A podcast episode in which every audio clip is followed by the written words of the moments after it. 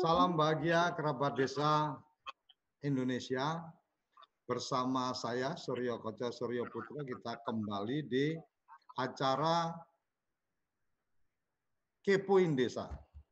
Kepoin Desa adalah satu program yang kita ingin uh, mempertanyakan lebih dalam tentang desa, kepo-kepo tentang desa dari para narasumber, dari para tokoh yang sangat paham tentang desa, dan juga di Kepoin Desa kita berharap ada ide-ide, ada lontaran-lontaran ya cerdas yang kita bisa apa kita bisa berbagi untuk inspirasi teman-teman semua dan hari ini kita akan mengangkat tema dampak COVID-19 terhadap ketahanan pangan di desa.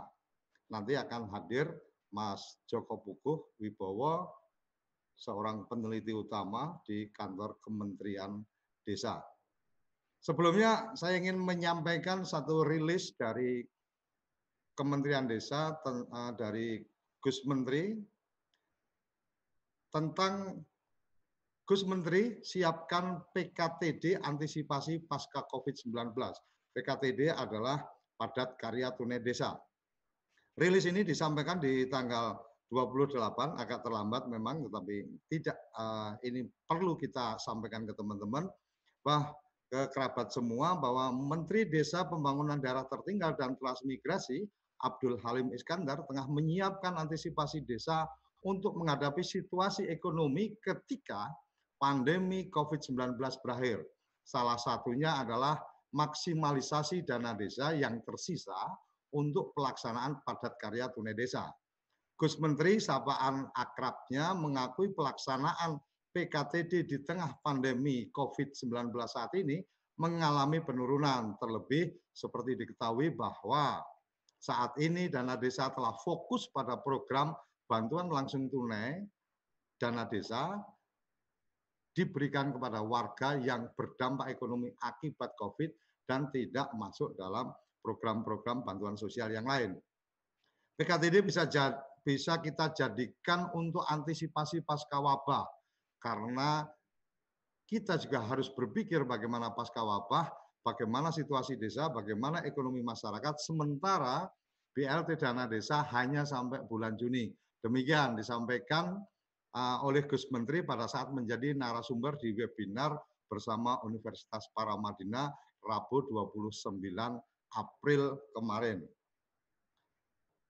Dalam pelaksanaan PKTD, lanjut beliau, komponen upah lebih tinggi yaitu tidak boleh kurang dari 80 persen, sedangkan 20 persen sisanya digunakan untuk komponen bahan. PKTD sendiri diprioritaskan untuk anggota keluarga miskin, pengangguran, dan setengah pengangguran serta masyarakat marginal lainnya. PKTD banyak bentuknya misalnya dana desa wisata PKTD fokuskan untuk kebersihan pemeliharaan dengan pendekatan PKTD uang tersalurkan ke tempat wisata dan tempat wisata menjadi indah. Demikian disampaikan dalam rilis dari Humas Kementerian Desa PDTT. Kita kembali ke obrolan hari ini, obrolan pagi ini saya akan sapa Mas Puguh yang sudah ada di seberang sana. Selamat pagi, Mas Puguh. Selamat pagi, Mas Suryo. Selamat pagi, kerabat desa. Salam sejahtera dan saya mengucapkan selamat untuk menaikkan puasa bagi yang merayakan, eh melakukan.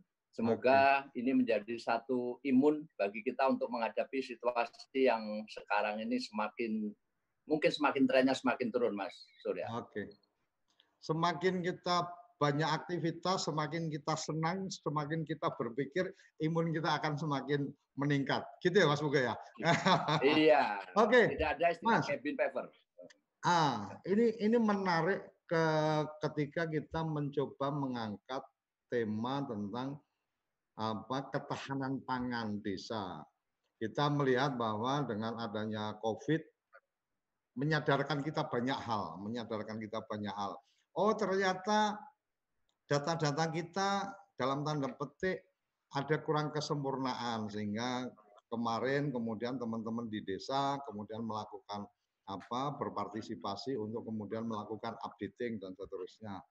Oh ternyata kita uh, cukup apa cukup lemah ketika bicara tentang akses informasi dan seterusnya sehingga uh, apa-apa yang beredar dan seterusnya teman-teman banyak termakan hoax dan seterusnya.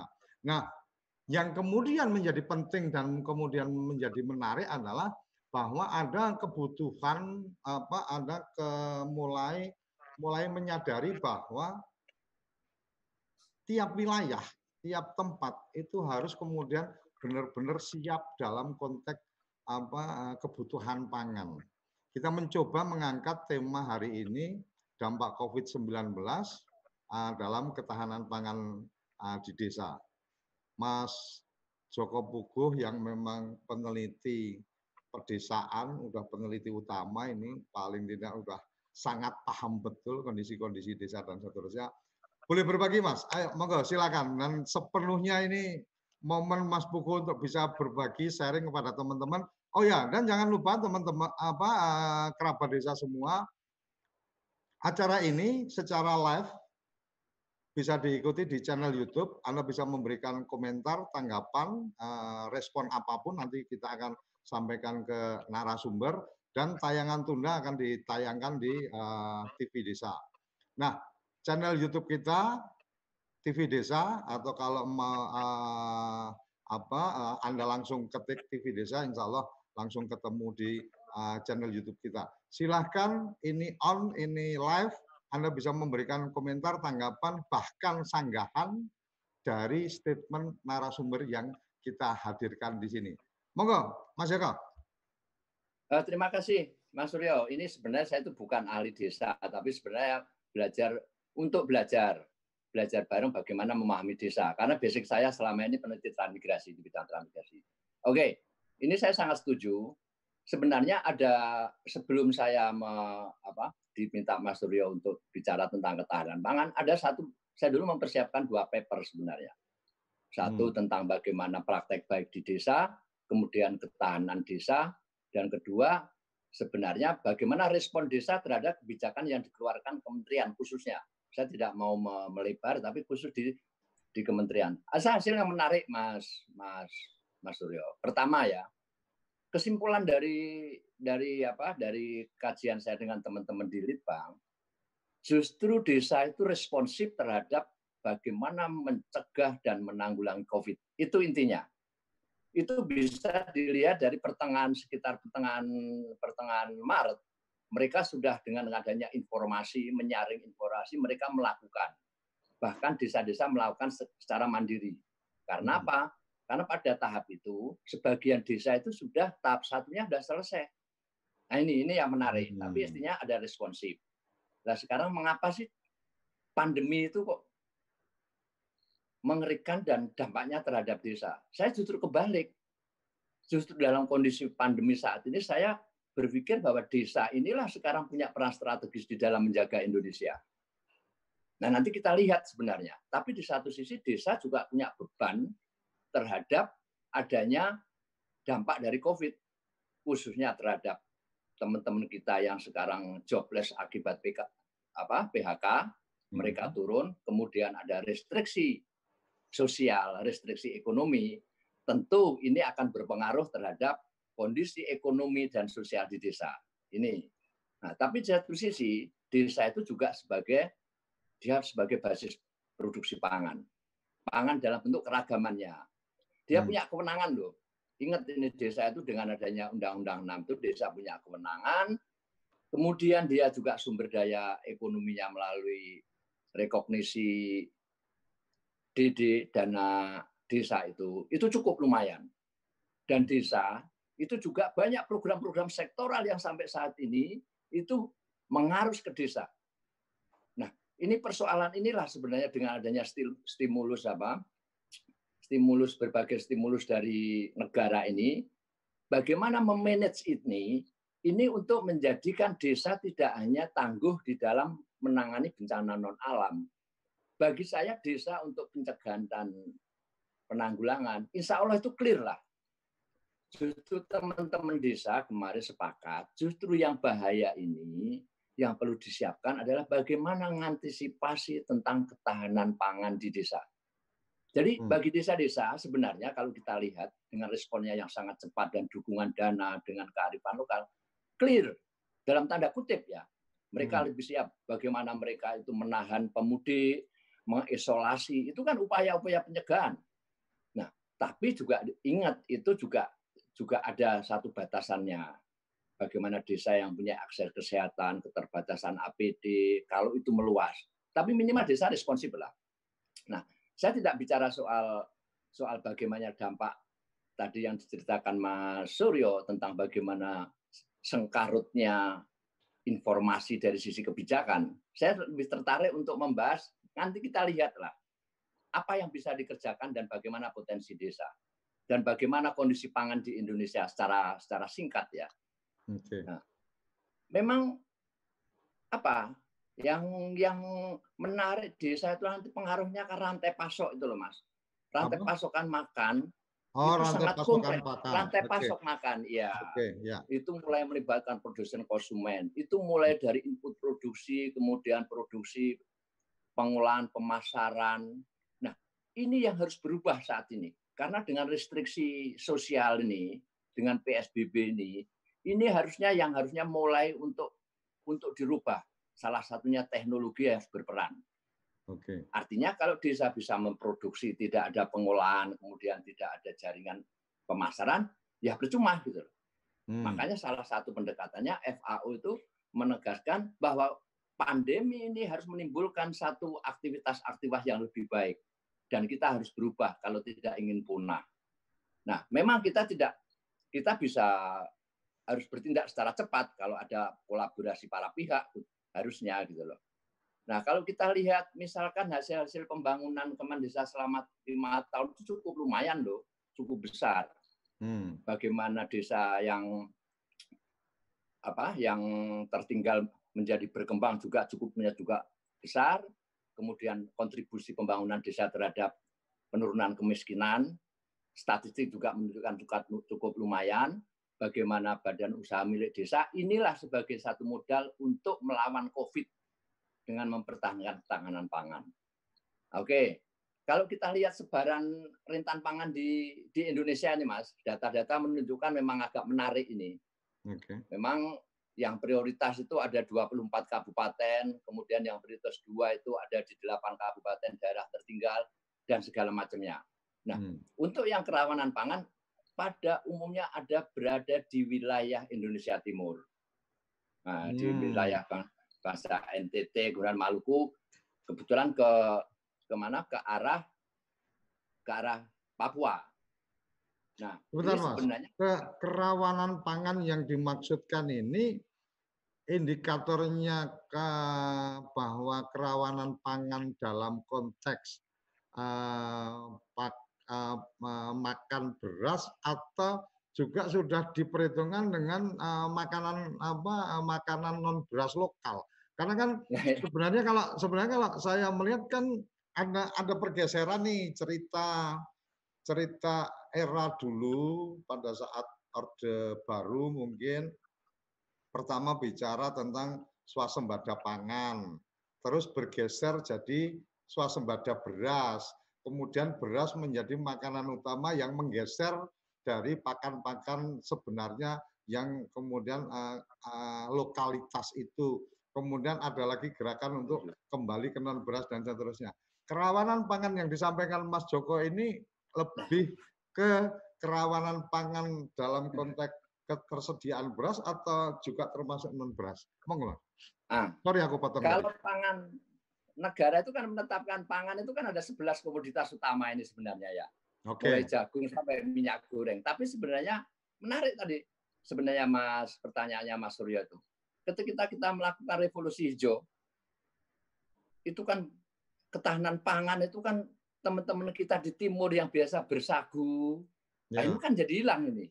Nah, ini juga juga akhirnya yang di, dikontekkan kerawanan ini ya ketersediaan, keterjangkauan, ya itu hitungannya beras gitu loh padi. Nah ini kan juga hmm, saatnya lah kita ini sebenarnya berpikir bahwa ini revolusi hijau yang dulu bisa mengakibatkan kita itu surplus beras dan mendapat penghargaan dari FAO, nah ini mungkin yang harusnya kita sekarang ini itu harus ada satu perubahan gitu loh mas. Oke. Jadi ini kan kalau negara me, me, apa ya menetapkan komoditas pangan pokok kalau tidak salah ya itu kan ada jagung, bawang merah, bawang putih, cabai besar, cabai rawit, daging, telur, gula pasir gitu loh. Tapi sagu, kemudian jagung, kemudian singkong itu kan tidak menjadi masuk mas. Nah ini mungkin menjadi apakah nanti itu debatnya itu nanti digunakan sebagai ketahanan di tingkat lokal, yaitu tergantung nanti situasinya bagaimana. Tapi ini kalau menariknya itu bahwa dalam catatan kemarin dilansir sama Menteri Pertanian dan data-data itu memang sampai bulan Maret Mei itu kita relatif perkiraan raca surplus ya, hmm. surplus. Kira-kira apa jumlahnya itu yang neraca akhirnya itu perkiraan produksinya sekarang sebelas setengah apa ini juta ton, impornya importnya nol, kemudian sisa stok itu masih 3 juta sekian, masih 15 juta sekian. Konsumsinya kebutuhannya itu sekitar 7,6 juta ton. Jadi hmm. masih ada surplus untuk 7,75 ton. Tapi hmm. menariknya Mas, nah ini stok beras akhir ini ini ada di di bulog penggilingan dan pedagang. Nah ini hmm. saya menerjemahkan ini pada tingkat keluar apa komunitas dan hmm. keluarga ini kan harus kita pertanyakan kan sebenarnya. Dengan Karena, kondisi yang mas, seperti mas, ini. Uh, izin saya potong Mas. Karena mungkin dengan apa dengan sistem ekonomi kita yang apa yang terakhir-terakhir ini kalau saya, saya waktu saya masih kecil saya masih ingat betul itu ketika apa uh, saudara kita panen jagung gitu kan jagung panen dia itu kan akan ditaruh di pendari, lumbung, di pendaringan atau apa ya di atas itu. Yeah. Kan. Jadi ketika kemudian bicara menjual produk pangan, menjual jagung, itu dia jual memang pada saat kemudian ada panen berikutnya. Jadi jagung yang dijual benar-benar kering karena memang ada di atas pawon itu gitu kan. Dan itu adalah sisa kebutuhan untuk mereka. Tapi hari ini kan enggak. Hari ini panen se, uh, panen sesegera mungkin untuk kemudian mendapatkan uang. Jadi uh, petani beras, petani jagung pun pada saat dia butuh jagung mungkin ya dia harus beli karena padinya sudah dijual semua, uh, jagungnya sudah dijual semua dan seterusnya. Ini bagian yang mungkin mulai apa uh, COVID ini mulai menyadarkan bahwa ada uh, ada kearifan-kearifan lokal kearifan-kearifan moyang kita yang perlu kita apa perlu mulai kita lirik lagi karena saya juga sempat melihat beberapa di beberapa informasi media beberapa desa sudah mulai mempersiapkan lumbung dan seterusnya. Kira-kira uh, ini ini ini ini problem problem problematika ketahanan pangan belum sampai ke kedaulatan pangan ya Mas ya. Oke, Oke benar. Nanti saya akan sampai ke situ, Mas. Silakan. Nanti silakan. kita akan sebut hmm. sebagai bagian model. Tadi intinya saya menyodorkan data-data ini dari sisi sisi ketersediaan dan kebutuhan pangan pokok itu kan clear sebenarnya ya. Tapi okay. yang menarik sebenarnya justru yang stok beras itu dari di bulog, penggilingan dan pedagang. Hmm, yang hmm. pertanyaannya bagaimana tingkat komunitasnya di desa dan tingkat keluarganya ini loh. Nanti kan percuma ada satu stok tapi mereka tidak punya punya uang, mm-hmm. tidak siap, tidak terjangkau. Nah ini kan persoalan. Makanya nanti kita akan ke situ. Tapi intinya clear lah pemerintah dalam stok pangan. Ini mungkin yang perlu nanti kita kita apa kita bahas. Karena apa? Ingat panen gadu ke depan, kemudian panen besar 2020, karena adanya satu perubahan iklim, kemudian adanya COVID yang menghindar apa menjadikan input produksi, kemudian faktor tenaga kerja, proses berkurang, ini tentu akan berpengaruh. Nah, ini nanti hitung-hitungan itulah yang harusnya digunakan variabel untuk menghitung ulang sebenarnya. Atau bagaimana menciptakan satu skena-skena untuk model-model ketahanan pangan di desa.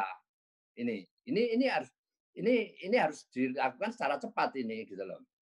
Nah, yang menarik lagi kita, kita bicara stok, sebenarnya Kementan juga sudah melakukan satu satu apa ya? Ini ini data saya itu di tahun 2018 itu ada 429 lumbung pangan di 127 kabupaten yang tahan pangan. Nah, 14 lumbung pangan berada di 8 kabupaten rawan pangan.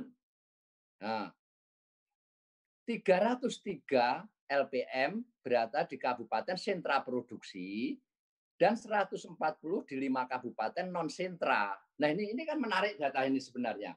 Ini yang banyak tidak pernah diungkap. Data-data bagaimana kita sudah mengembangkan lumbung pangan secara sektoral gitu loh Mas. Ini ada 300 309 catatan saya ini, 309 lumbung pangan yang sudah tersebar baik di daerah sebagai sentra pangan, kemudian yang rawan pangan. Nah, data-data ini kan bisa bicara banyak nanti di Mensa COVID ini.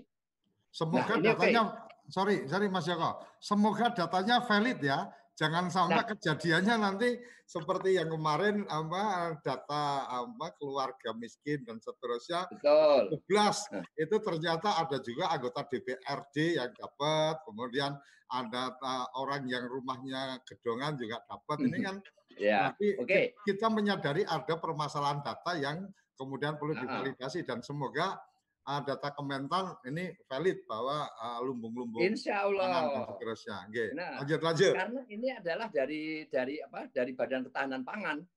Nah ini saya saya juga skeptis gitu loh mas. Tapi artinya memang sebagai peneliti saya harus skeptis, mempertanyakan gitu loh. Tapi minimal ada basis data. Yang kalau memang itu kurang, kurangnya apa, nanti kita perbaiki dalam okay. waktu yang singkat gitu loh. Saya harus skeptis memang. Semuanya saya harus skeptis untuk mempertanyakan ulang.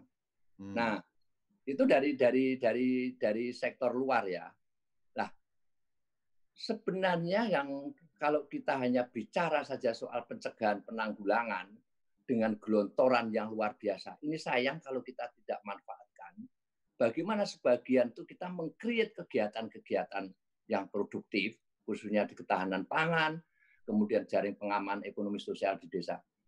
Ini Mas, coba lihat Mas ya. Kan sekarang BLTDD yang 22 triliun itu, ya. nah itu sebenarnya logikanya di peraturan itu dengan apa dengan prosentase maksimal kalau kurang bisa nambah Hmm. Itu dikurangi dengan yang sudah bansos yang dapat PKH, kemudian BLT non BN, BPNT dan segala macamnya. Orang miskin kan clear selama tiga bulan ditangani toh mas. Ya, logikanya nah, gitu. Logikanya gitu. Logikanya Kalau, orang miskin selama tiga bulan ini dijamin tidak akan kelaparan lah. Yes. Minimalnya itu. Oke, okay, okay. setuju. Akhirnya clear. Nah, ini saya juga akan mengkritisi desa ini sekarang teman-teman di desa bebannya berat. Hmm. Kok semua bicara soal BLT, BLT, BLT, BLT, yang kalau itu nanti itu di, di data, itu akan menyusahkan teman-teman di desa. Tapi itu nanti porsi yang lain ya. Tapi okay. artinya biaya anggaran untuk desa yang digelontorkan besar. Mengapa? Kita, kita mungkin lebih fokus ke agenda ketahanan pangan. Pangan, iya. Hmm. Makanya okay. dari dana sebesar itu, hmm. kok hanya untuk pencegahan tok gitu loh. Hmm. Nah, ini makanya kita mendorong teman-teman harus mendorong bagaimana desa menggunakan kewenangannya untuk ketahanan pangan, Mas. Okay. Gitu loh. Nah, contoh sebelum ada BLT ini ya, hmm. sebelum ada BLTDD, ada beberapa teman yang sudah merencanakan, Pak, kalau hanya urusan COVID bagi desa itu sudah setengah clear lah dalam tanda kutip ya. Hmm. Kita sudah mengalokasikan dana untuk penyertaan ketahanan pangan sebagai tambahan modal BUMDes 100 juta. Luar biasa, Mas. Di daerah timur menjelaskan begini. Artinya memainkan peran BUMDes untuk menjaga apa? Untuk menjaga ketahanan pangan di desa dengan penyertaan modal ke BUMDes atau gimana? Ya, Bumdes hanya salah satu. Jangan semua nanti dipaksa Bumdes untuk sebagai buffer untuk pengelola ketahanan pangan itu juga nggak benar gitu loh, Mas. Artinya, Artinya kalau kalau memang kalau saja. memang nggak siap ya nggak harus pakai Bumdes. Ya, benar. Okay. Seperti di kali contoh seperti di Merauke. Sebelum ada BLTDD, mereka sudah melakukan bagaimana mengembangkan mengembangkan satu ketahanan pangan baik di tingkat keluarga, tingkat RW maupun tingkat kampung dengan mengalokasikan 400 juta. Tapi begitu ada peraturan yang baru menyusul BLTDD seperti itu, persoalannya akan berbeda. Artinya apa? Artinya bahwa sebenarnya banyak teman-teman, ada teman-teman di desa-desa yang sudah menyiapkan, mengantisipasi bagaimana sebenarnya dengan gelontoran dana itu cukup untuk bagaimana kita menyediakan yang namanya untuk ketahanan pangan. Nah ini loh Mas. Karena apa? Nah, kalau kita bebedah lagi sebenarnya Mas, Gus Menteri itu pertanyaannya clear kalau saya menerjemahkan clear. Hmm. Yang pertama apa? Pertama itu eh, PKTDD harus bla bla bla, kemudian nyusul harus lewatan COVID, segera melakukan revisi APBDes. Itu clear itu sebenarnya. Hmm. Walaupun di dalam ke, ke belakangnya ada hmm. satu tidak sinkronisasi informasi khususnya di kebijakan penetapan hmm. BLT. Saya tidak hmm. bicara itu, tapi artinya clear gitu loh. Gus Menteri di dalam di dalam satu peraturan ininya sebenarnya sudah memberikan mendorong kewenangan desa mendorong tapi ada satu gap kayaknya untuk mengcreate bagaimana menciptakan ketahanan pangan jaring pengaman ekonomi antara Gus di tingkat pusat dengan di kabupaten. Nah, itu bisa contoh mengapa kalau Malang kemarin bisa untuk BLT-nya duluan gitu. Itu kan pasti ada satu kolaborasi, ada tokoh-tokoh yang memang mereka berani untuk mengambil keputusan dengan sengkarutnya penetapan kriteria BLT.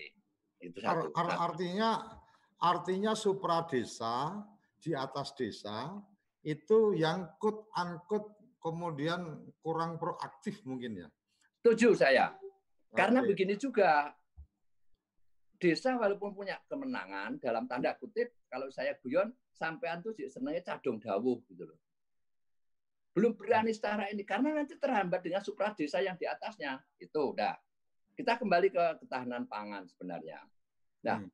Kalau kita bicara artinya tadi satu dari sektoral sudah melakukan melakukan apa melakukan satu data-data menunjukkan bahwa kita surplus walaupun surplusnya itu nanti adalah baru pada tahapan untuk pokok pangan beras tapi itu yang harus digarisbawahi itu berada di restoknya Bulog dan pedagang. Padahal hmm. kalau ketahanan pangannya itu adalah ketahanan masyarakat yang ada di nah, Bulog, kemudian pedagang, dan di desa. Kan itu kalau ketahanan pangan rumusnya itu, konsepsinya ya. itu loh. Nah, inilah yang harus kita dorong. Bagaimana desa itu meningkatkan ketahanan pangan melalui gelontoran dana tadi loh, Mas pada tingkat desa yang harus diberi diberi apa ya yang harus didorong adalah sisa dari BLTDD ini saya bicara teknis ya sisa hmm. BLTDD yang masih ada tahap kedua hmm. itulah yang harusnya sudah tidak ada miskin mereka menyiapkan kerja-kerja untuk ketahanan pangan bagaimana mereka menambah permodalan bumdes bagaimana mereka dengan PKTD-nya itu. PKD dengan adanya orang miskin sudah selesai loh Mas, nggak ada orang miskin lagi. Nanti nyari kriteria miskin lagi udah susah nanti. Artinya Tapi yang artinya PKTD, PKTD itu, itu PKTD untuk aktivitas untuk aktivitas ekonomi kreatif sebenarnya oh, nanti okay, setelah ini. Jadi harus seperti itu misalkan mempersiapkan misalkan pola pekarangan yang efektif. Nah, Kemudian bagaimana membuat satu ternak yang komunal. Nah, itu jangan diterjemahkan nanti syaratnya PKTD miskin. Karena yang semuanya sudah di cover sama BLT BLT tadi, Mas. Hmm. Nah, ini yang yang menjadi catatan sebenarnya bahwa PKTDD itu nanti dirubah. Nah, kalau masuknya di nanti kalau di di postur ABBDes itu bisa PKT tetap yang fisik itu nanti dialihkan ke bidang lima misalkan. Hmm. Bidang lima itu penanggulangan bencana, Mas. Tapi kalau ada fisik yang di situ antara untuk bikin gudang, untuk bikin saluran, selama bahannya tadi arahnya khusus 20% bahan yang 80 PKT, monggo. Kita hmm. dorong itu dalam kontennya ketahanan pangan. Model ketahanan pangan tidak hanya beras, begitu loh. Ya. Nah, bisa pekarangannya melalui pekarangan, uh, agroforestry, kemudian melalui apa stok yang tadi Mas Suryo katakan jagung harus ditaruh di atas dapur itu karena sekarang kan repotnya kalau di atas dapur kan sekarang dapur kita itu makainya kompor gas mas. Iya. nah, kalau dulu kan masih pakai pawon itu itu, bisa. itu kena uapnya itu itu yang bisa nggak mau nah proses pengeringan ya. Iya kita mm -hmm. kembali ke lokal. Ini mumpung masih ada tahun 2020 masih memungkinkan untuk itu. Saya tidak bicara jangka panjang yang nanti harus koordinasi dan enggak. Enggak, tapi 2020. gini Mas, Mas Joko, kita kita kembali ke ketahanan pangan desa. Dalam positioning sekarang ini sebenarnya kalau menurut pengamatan Mas Joko atau berdasarkan data-data yang ada, apakah memang desa sebagai benteng apa ketahanan pangan ini memang sudah terjadi atau sebenarnya secara secara potensi desa ada tetapi kemudian dengan beberapa permasalahan kebijakan pada akhirnya desa tidak lagi apa tidak lagi kemudian benar-benar serius menjadi apa sentra uh, produksi logistik. Nah, yang nah, terakhir tadi Mas, nah. yang terakhir tadi saya setuju kita baru bicara potensi ini. Hmm, Kalau hmm. saya masih tetap bicara potensi nanti gitu loh. Karena hmm. kan dengan adanya dulu kan zaman dulu itu kan ada wilayah pembangunan sebenarnya. Yang ini hmm. khusus untuk pangan, ini khusus ya. untuk apa kan ada. Tapi hmm. karena sekarang ada misalkan terjadi apa alih fungsi lahan itu kan kan apa? Kan mengkhawatirkan. Tapi sementara kita yakin saja bahwa ada stok di situ, Cuman hmm. saya masih meragukan bagaimana ketahanan pangan di desa, walaupun dia sentra produksi pangan. Nah, ini artinya, yang menjadi bahasan kita sebenarnya. Artinya di sentra produksi pangan pun, pun itu sangat mungkin untuk kekurangan stok pangan karena memang masyarakatnya pada saat ini sedang tidak punya penghasilan, sementara mereka tidak tidak nyuk, nah, tidak menyimpan produk pertanian mereka. Iya, nah tadi loh mas, Tadi kan stoknya itu adanya di bulog dan di pedagang. Kan repot itu kalau mereka nanti kartel-kartel itu yang menguasai. Baik di tingkat pang, di tingkat desa, di tingkat kecamatan. Mereka tidak siap. Tapi kan memang memang itu kan problem kita, Mas. Kalau kita bicara tentang pertanian ya. Per, iya. Bicara tentang pertanian, permasalahan pertanian kita adalah petani tidak benar-benar menguasai produk hasil pertaniannya. Artinya mau tanaman-tanaman industri, mamanya kayak tembakau, pada saat ditanam pun belum panen juga sudah hijau kan gitu. Kemudian bicara bicara jagung, bahkan kita juga sempat menerima case bahwa jagung uh, untuk kemudian pemulia pemulia benih pun juga dapat masalah. Artinya memang takut salah ngomong saya. Tapi kayaknya enggak apa-apa, Mas. Tetapi kayaknya negara kurang berpihak kepada petani ya. Jadi kalau kita bicara ketahanan pangan jadi aneh juga ini Mas Joko. Gimana gimana? Bagi saya iya. Bagi saya kan sudah banyak studi yang mengatakan seperti itu, Mas. Okay. Gitu loh. Nah, artinya begini loh. Makanya COVID inilah yang sebenarnya titik balik saya pikirannya COVID ini titik balik bahwa desa harus menjadi benteng Indonesia gitu loh mas, khususnya di pangan. Artinya kita, artinya ini harus dijadikan momentum. Momentum, trigger ini. Ini harus diblas ini gitu loh. Saya masih yakin kok. Coba 22 triliun. Kemensos ngasih sendiri BLT, nanti Kementan ngasih BLT 600 ribu per bulan. Semua di desa lah ini konteksnya kan untuk jaring pengaman sosial saja. Ekonominya kecil prosentasenya. Nah, inilah yang harusnya kita blend. Mari bareng-bareng ini kita cari model yang sesuai untuk mendorong teman-teman di desa berbuatlah dengan kearifan lokalnya. Dulu kan di ini kan sudah hilang, Mas. Sekarang hmm. sudah ada tidak lumbung, lumbung hmm. sudah tidak ada. Polo gantung, polo hmm. pendem hmm. sudah hilang. Hmm. Mengapa ini skema-skema ini kita tidak kita balik lagi ke ke apa? ke belakang itu menjadikan satu pendekatan yang baru. Ingat, FAO sudah mengingatkan bahwa untuk pangan-pangan yang bernilai tinggi seperti rempah, kemudian buah-buahan, sayuran, ini juga risikonya tinggi, tapi juga nilainya nanti akan meningkat luar biasa. Hmm. Nah, Indonesia negara tropis yang kaya dengan hortikultura. Ini kan musimnya masih akhir bulan sampai dengan Desember 20 kan masih siap, Thomas. Hmm. Nggak usah bicara makro, makro, makro gitu loh. Mari hmm. dana yang stimulus yang sekian triliun selama kurun waktu 2020 ini, semoga COVID-nya nanti dalam waktu singkat selesai. Ini kita tata ulang, gitu loh. Jangan hanya konsen di pencegahan penting. Saya setuju. Pencegahan penanggulangan penting. Tapi ada sisi. Teman-teman desa udah paham, Mas. Pencegahan pencegahan penting. Tapi ketahanan pangan lebih penting. Hmm. Juga mempunyai arti yang penting begitu loh, Mas. Saya diskusi dengan beberapa teman. Nah, jangan sekarang kan pangannya kelupaan karena teman-teman desa walaupun ada 8.000 sekian yang sudah BLTDD, Sebagian mas masih kurang lebih 6.000 desa masih kebingungan mungkin. Hmm. Ini loh. Lah ini sebenarnya yang harus menjadi satu basis karena tadi saya sebutkan sudah ada stok ada aman.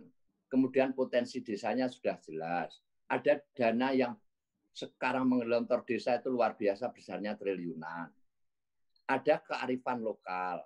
Mari ini kita ciptakan skema-skema yang namanya ketahanan pangan, khususnya dengan kewenangan desa, itu mereka bisa mengembangkan ketahanan pangan di tingkat keluarga, di tingkat komunitas RT RW, kemudian di tingkat desa, melibatkan BUMDes dan pelaku ekonomi di desa, inilah saatnya untuk kita sebagai komponen faktor-faktor determinan faktor yang menentukan keberhasilannya ketahanan pangan di desa. Karena duitnya ada. Gitu. Mas, duitnya ada. Mas, saya saya saya jadi tergelitik ketika dulu tahun 80-an itu kan eh, awal eh, tahun 70-an itu ada hmm. BUUD, Badan Usaha yeah. Unit Desa. Yeah. Yang kalau diidentikan sekarang adalah BUMDes. Ya. Kemudian lahirlah KUD. KUD, ya. Kemudian BUUD garis miring KUD. Artinya Betul. pemerintah ya, jam waktu itu itu selalu menyebutkan bagaimana peran desa in, dalam konteks ekonomi adalah dengan menggunakan dua uh, dua elemen bisnis yaitu BUD garis miring KUD. Dalam perjalanan KUD lebih dominan karena dikuasai oleh dalam tanda petik elit-elit desa, BUD terbengkelai. Kan gitu. Kemudian KUD sempat menjadi agent untuk pupuk, kemudian agent untuk banyak hal dan seterusnya. Ya. Ketika bicara itu sebenarnya ini adalah jalur apa yang jalur yang sudah terbukti efektif berbicara tentang bagaimana mengkoneksikan agenda-agenda pemerintah pusat dalam konteks ketahanan pangan dan kedaulatan pangan ini kemudian langsung ke desa dengan KUD pada saat itu. Tetapi kenyataannya memang KUD juga ya wawahu alam bisawab lah ya hari ini nasibnya kayak apa. Cuma saya sangat sangat uh, melihat ada potensi ini BUMDes mestinya diposisikan uh, diposisikan sebagai channeling agent oleh semua BUMN ketika dia akan mendistribusikan ke desa. Oleh Bulog umamanya. Bulog kenapa harus belanja belanja berasnya itu dari pedagang umamanya? Kenapa tidak kemudian BUMDes ya. diberdayakan mereka menjadi apa uh, pembeli dari produk-produk apa beras dari kelompok tani dan seterusnya kemudian koneksi ke Bulog dan seterusnya setidaknya uh, umpama ada nih bicara tentang uh, beras beras murah umpamanya ketika kemudian channeling distribusinya itu ke BUMDes, maka secara otomatis akan lebih valid untuk tidak belok ke mana-mana.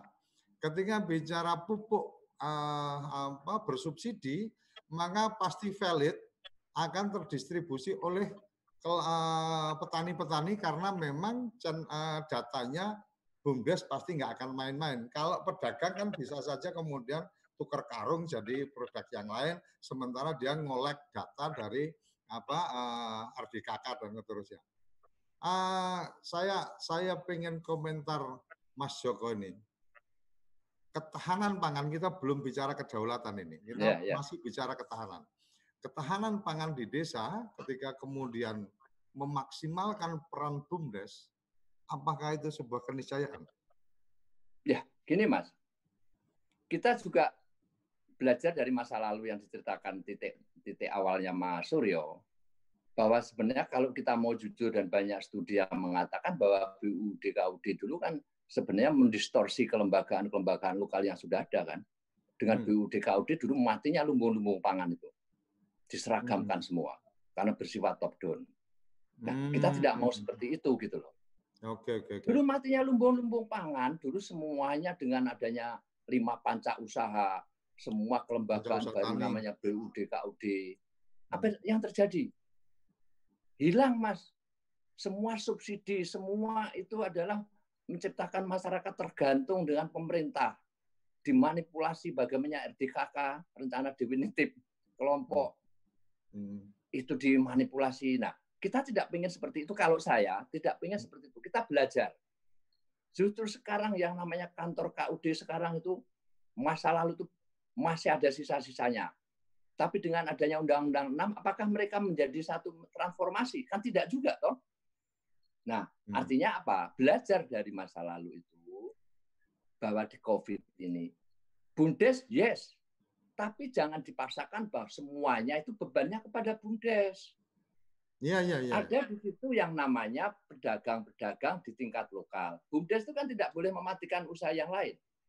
Ya. Kalau memang bumdesnya kuat, no problem. Saya dengan teman-teman peneliti bicara, bumdes itu harusnya sebagai reseller aja gitu loh. Wholesaler. Reseller ya. Artinya gini, kalau di, di sneakers, sneakers itu artinya itu agen gitu loh mas. Hmm. Artinya gini loh, seperti Mas Suryo katakan tadi bahwa dia mengapa Bulog tidak membeli gitu loh. Hmm. Nah, artinya apa? Artinya kalau memang jangan dipaksakan Bumdes untuk sebagai bumper untuk lembaga pengelola ketahanan pangan. Bumdes bukan satu-satunya. Syukur-syukur Bumdesnya yang sekian mandiri, sekian berkembang itu sudah mampu untuk berperan. Kita punya modal untuk itu. Kita lihat gitu, jangan dipaksakan. Kalau memang ada, dampingi mereka. Jangan sampai nanti Bumdes itu berkembang sebagai pengelola pangan, nanti Mbak Parti, Mbak Noyo yang usaha-usahanya di bidang pangan itu mati, Mas. Gitu loh. Hmm. Itu itu jangan. Ya, tapi, Memang, tapi kan gini Mas, sorry sorry. Uh, kalau kita kalau kita bicara pada apa pola distribusi yang seperti Betul. tadi uh -uh. saya sampaikan, maka sebenarnya kan kalau kita bicara bahwa ada agenda-agenda subsidi dari pemerintah, Ya. Maka kan ke, ada satu kebutuhan validasi, ada satu kebutuhan jaminan Betul. bahwa itu tepat sasaran. Betul. Kalau kata nih, oke okay, kebutuhan uh, tabung gas 3 kilo hmm. namanya bersubsidi. Hmm. Itu kan ketika kemudian distribusinya itu kemudian uh, sesuai kebutuhan masyarakat sekitar itu dari BUMDes yang melakukan apa uh, sebagai agen atau distributornya maka kan kecil kemungkinan, walaupun tetap ada kemungkinan, tapi kecil kemungkinan bahwa kemudian BUMDes akan melakukan tindakan curang. Umpamanya yang tiga ya, ya. dari sekian ya. seterusnya. Sama seperti kalau kita bicara pupuk bersubsidi. Ketika kemudian hmm. agennya adalah pedagang, ini kan akan beda ketika agennya adalah BUMDes. BUMDes punya data ya. lebih valid karena dia berhubungan dengan apa kelompok masyarakat di desa gitu kan bahwa oh ada sekian nih apa kelompok tani ada kebutuhannya kayak gini dan seterusnya dan seterusnya. Jadi saya melihatnya tidak kemudian dia akan mematikan mematikan pedagang, yeah, kelontong yeah, dan seterusnya enggak. Nah, BUMDes ketika bicara tentang distribusi produk-produk apa eh, produk-produk uh, kebutuhan hari-hari dan seterusnya, BUMDes mestinya menurut saya sih, BUMDes mungkin lebih sebagai apa wholesaler, artinya dia hanya sebagai grosir, dia tidak buka, dia hanya melayani warung-warung uh, kelontong yang ada di desa itu. Jadi yang boleh belanja di situ adalah mereka yang punya kartu sebagai pedagang yang direkomendasikan oleh kepala desa. Jadi nggak ada datang ke situ karena kebutuhan belanjaannya banyak, uh, umpama nih tokoh masyarakat di situ kebutuhan belanjaannya banyak, langsung ke apa, langsung ke grosir nggak bisa. Yang grosir hanya melayani ke kebutuhan-kebutuhan pedagang kayak Mbah Karyo dan seterusnya yang punya warung dan seterusnya. Jadi saya pikir ini kan akan menjadi apa sinergitas yang luar biasa, Mas.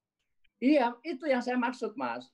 Saya enggak, enggak, enggak. Itu yang saya maksudkan bahwa mereka itu sebagai reseller. Contoh saja, nanti kalau sudah operasi pasar itu sebenarnya sebelumnya tidak harus bulog gitu loh. Ya. Contohnya ya. nanti kalau seperti fungsinya seperti itu. Dengan paket kemarin seperti Sekjen bilang bahwa bahwa sebenarnya BUMDes bisa berperan sebagai operasi pasar melalui sembako murah. Itu fungsinya BUMDes gitu loh. Saya setuju itu lah, model-model seperti itu. Maksud saya, tidak semua bumdes mampu ber, se, belum mampu seperti itu, Mas. Jadi okay. harus pilah dan dipilih. Itu. Ya. Nah, kalau kita kembali ke pembicaraannya kemarin Mas Mas Mukofam sebenarnya. Ya. Nek-nek sing kepala desa bandit bumdes itu kan itu tergantung dari pimpinannya toh. Hmm. Nah, artinya apa? Kalau saya selama itu nanti lokal leadernya itu tidak punya pamrih selain pamrihnya meningkatkan kesejahteraan. Dalam konteks ketahanan pangan, pasti nanti para aktor itu berperan sesuai dengan kapasitasnya dan proporsinya. yang kelompok tani nanti akan terjamin sebagai penggarap lahan yang baik, ya. bumdes dan toko-toko akan menjadi menjadi penyedia saprodi yang tidak mencekik apa mencekik harga, ya. produksinya dari produksi pangannya yang kelebihan dari untuk stok pangan itu bisa ditampung BUMDes dan BUMDes bisa punya jalur distribusi dengan bulog dengan harga yang wajar. Kan itu Mas prinsip ketahanan pangan. Ya, Mulai ya, dari ya. produksi input produksi sampai dengan pemasaran. Nah, hmm. ini kan para aktor ini kan nanti berputarnya itu nanti kan ada di desa. Ya. Mas, satu desa itu ada 200 orang yang menerima. Misal ya, hmm. berarti kan putaran uangnya itu kan ada 600 kali 200 orang. 120 juta dalam satu bulan. Hmm. Artinya, kalau mereka itu savingnya 100 ribu saja, sisanya itulah duit yang berputar di desa. Kalau dalam konteks ketahanan pangan konsumsinya itu nanti masing-masing itu berperan, kita dorong dalam waktu singkat ini, duit itu tidak akan keluar, Mas. Artinya tetap berputar di desa. Berputar di desa. Saya tidak bicara yang lain, bicara pangan deh dulu deh. Ya. Bicara pangan. Nah, mitigasi-mitigasi seperti ini loh, yang perlu dalam waktu singkat ini, tahap 2 DD, kemudian tahap 3 masih sisa.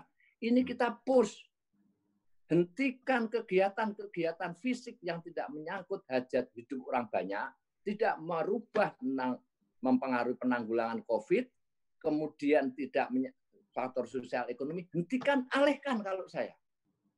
Ada nggak berani kepala desa yang seperti itu? Ada. Hmm. Selama itu tidak menyangkut kepentingan, geser. Seperti Gus Menteri itu apa arahkan tuh. Ya kalau hanya soal fisik lima tahun jalan kok lima tahun anggarannya gede-gede, ketahanan pangannya nggak kepikir gitu loh mas. Nah ini kan artinya, menarik artinya, artinya kalau fisik udah selesai lah lima tahun kemarin Harusnya udah gitu. infrastruktur infrastruktur sampai gawe gapura sing ratusan juta, nah. sing rano manfaate ya. Coba itu pemberdayaannya berapa? Paling kan 0, sekian persen. Nah aneh mas, ini menarik ini dalam konteks ketahanan pangan kajian saya dengan teman-teman di Litbang. Ya. Bang, di hampir di daerah timur ya, nggak saya sebut namanya. Hmm. Itu namanya bidang lima yang penanggulangan kedaruratan dan bencana nol. Coba Artinya tidak mengalokasikan tidak. anggaran untuk itu. Tidak, apa memang sengaja saya nggak ngerti. Tapi yang atau jelas gak, nol. Atau jangan-jangan nggak paham, Mas. Nah, ini yang bahaya. Yang ini mereka kaget. Saya tanya kaget, loh bidang limanya berapa? Bidang lima ini nopo Pak? Nah, nah aku kipen. Bidang lima itu bidang kedaruratan penanggulangan bencana. Nah, padahal di prioritas dana desa itu ada yang namanya untuk penanggulangan perubahan hmm. iklim yang dalam tanda kutip itu adalah bencana non alam yang sekarang tidak disadari. Nah ini loh. Jadi harus ada satu perubahan postur tubuh APBDes dan mainstreaming daripada kementerian ini bagaimana ketahanan pangan konteksnya dengan tadi Mas, dengan perubahan iklim, kemudian dengan pandemi dan segala macamnya. Nah, ini kalau kita bicara ketahanan pangan desa potensinya besar, Mas. Justru potensi ini bagaimana dalam saya nggak bicara jangka panjang ya. Saya bicara jangka pendek. Saya hanya simpel aja tahap kedua masih ada sisa banyak, tahap ketiganya nanti bisa bisa apa? bisa bisa digunakan untuk men-trigger itu menjadi desa sebagai basis ketahanan pangan baik di tingkat keluarga, komunitas maupun tingkat desa. Ini kuncinya. Tahap tiga kan cuma 20 persen, Mas. Sidik, Mas. Ya jangan bicara gitu sidik, tapi ya sidik. Ya. Harus 40, 40 kan mesti Bahkan, tapi bahkan untuk desa-desa yang sudah maju, kalau nggak salah cuma dua tahap, 60 sama 40. Artinya tahap kedua 40 baru kita ana meneh duitnya. Itu menjadi kajian yang menarik. Hmm. Bagaimana dia men-trigger bahwa apa yang bisa lakukan yang 60-40 tadi, hmm. apakah basis pangannya juga sudah, eh, ini ini menarik ini sebenarnya. Apakah basis pangannya juga sudah ketahanan pangannya sudah baik? Hmm. Apakah dia nanti kalau ada kelebihan kelebihan produk pangan, proses pangan, dengan adanya restriksi seperti ini dia sudah menciptakan satu model pemasaran dan pengemasan yang berbeda. Kan belum tentu, Mas. Gitu loh. Jadi nanti rantai pasok, Mas, bahwa yang berpengaruh itu rantai pasok. Rantai pasok itu mulai input produksi, produksi, kemudian proses, kemudian pengepakan sampai distribusi. Hmm. Nah, ini berubah. Banyak dunia yang sudah banyak ahli di FAO sendiri sudah mengingatkan yang paling rentan adalah terhambatnya rantai pasok. Bicara rantai pasok dari hulu ke hilir. Hmm. Nah, ini loh.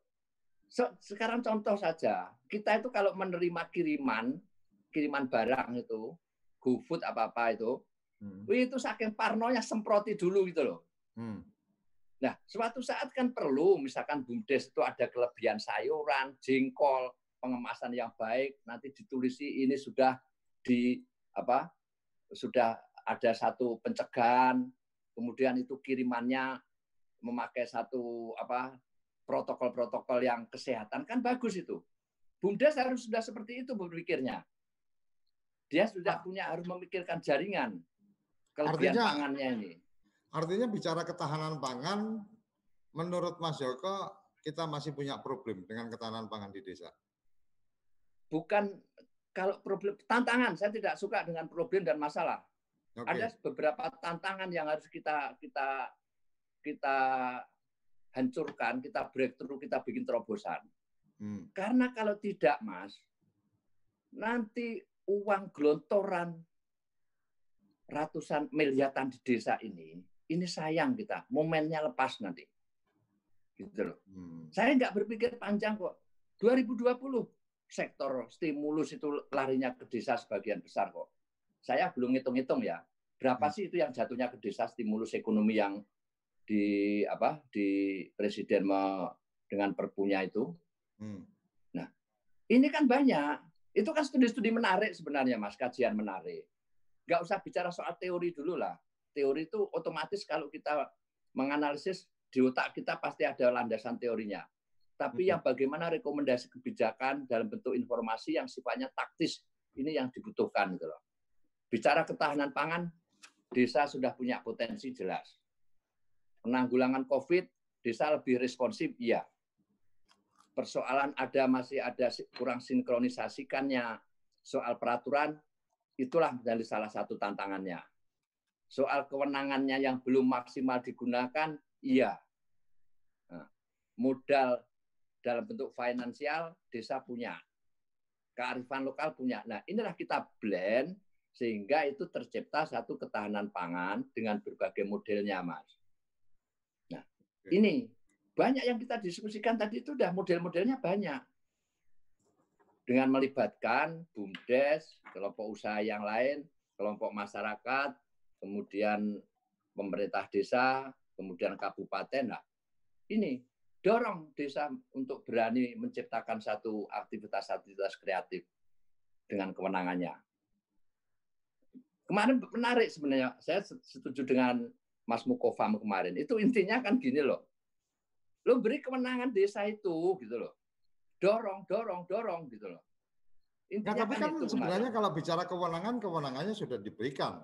Ini kan kemudian ibarat kata, ibarat kata otoritas sudah diberikan, tinggal bagaimana yang kemudian memegang otoritas itu memahami bahwa hmm. kemudian oh ini ada hak kita untuk bisa melakukan ini, melakukan ini, melakukan ini. Benar apa enggak, Mas? Tapi ingat catatannya Mas Kumar kemarin politisasi tadi loh. Politiking kemarin kan di, di, di akhir closing statementnya. Ini hmm. dilepas kepalanya, diinjek buntutnya gitu loh Mas. Artinya masih ada di kan bagian-bagian Ah, ini masih ada di bagian-bagian desa yang kemudian ah, ah. belum rela benar walaupun di pusat memang sudah rela untuk menguatkan desa, tapi di middle-nya ini masih belum terlalu rela untuk kemudian desa berdaya, mungkin gitu ya? Ya, kalau Gus Gus Menteri Sekjen ngomong bicara itu, itu bagi saya clear kok.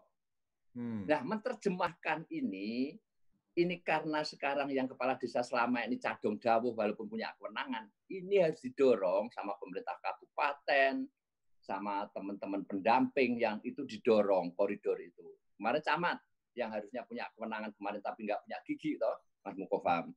Nah, camat pun sekarang punya tanggung jawab yang besar. Dia nggak punya kewenangan tapi tanggung jawabnya besar. Nah, ini mungkin yang perlu di, di apa di, di, ditinjau ulang. Jadi Oke. kalau kuncinya Mas Joko, kalau ini nggak terasa waktu kita juga jam, sudah ya. ah, sak jam jebule ora kerasa ngobrol-ngobrol nggak terasa kita sudah ngobrol-ngobrol panjang tentang ketahanan pangan di desa.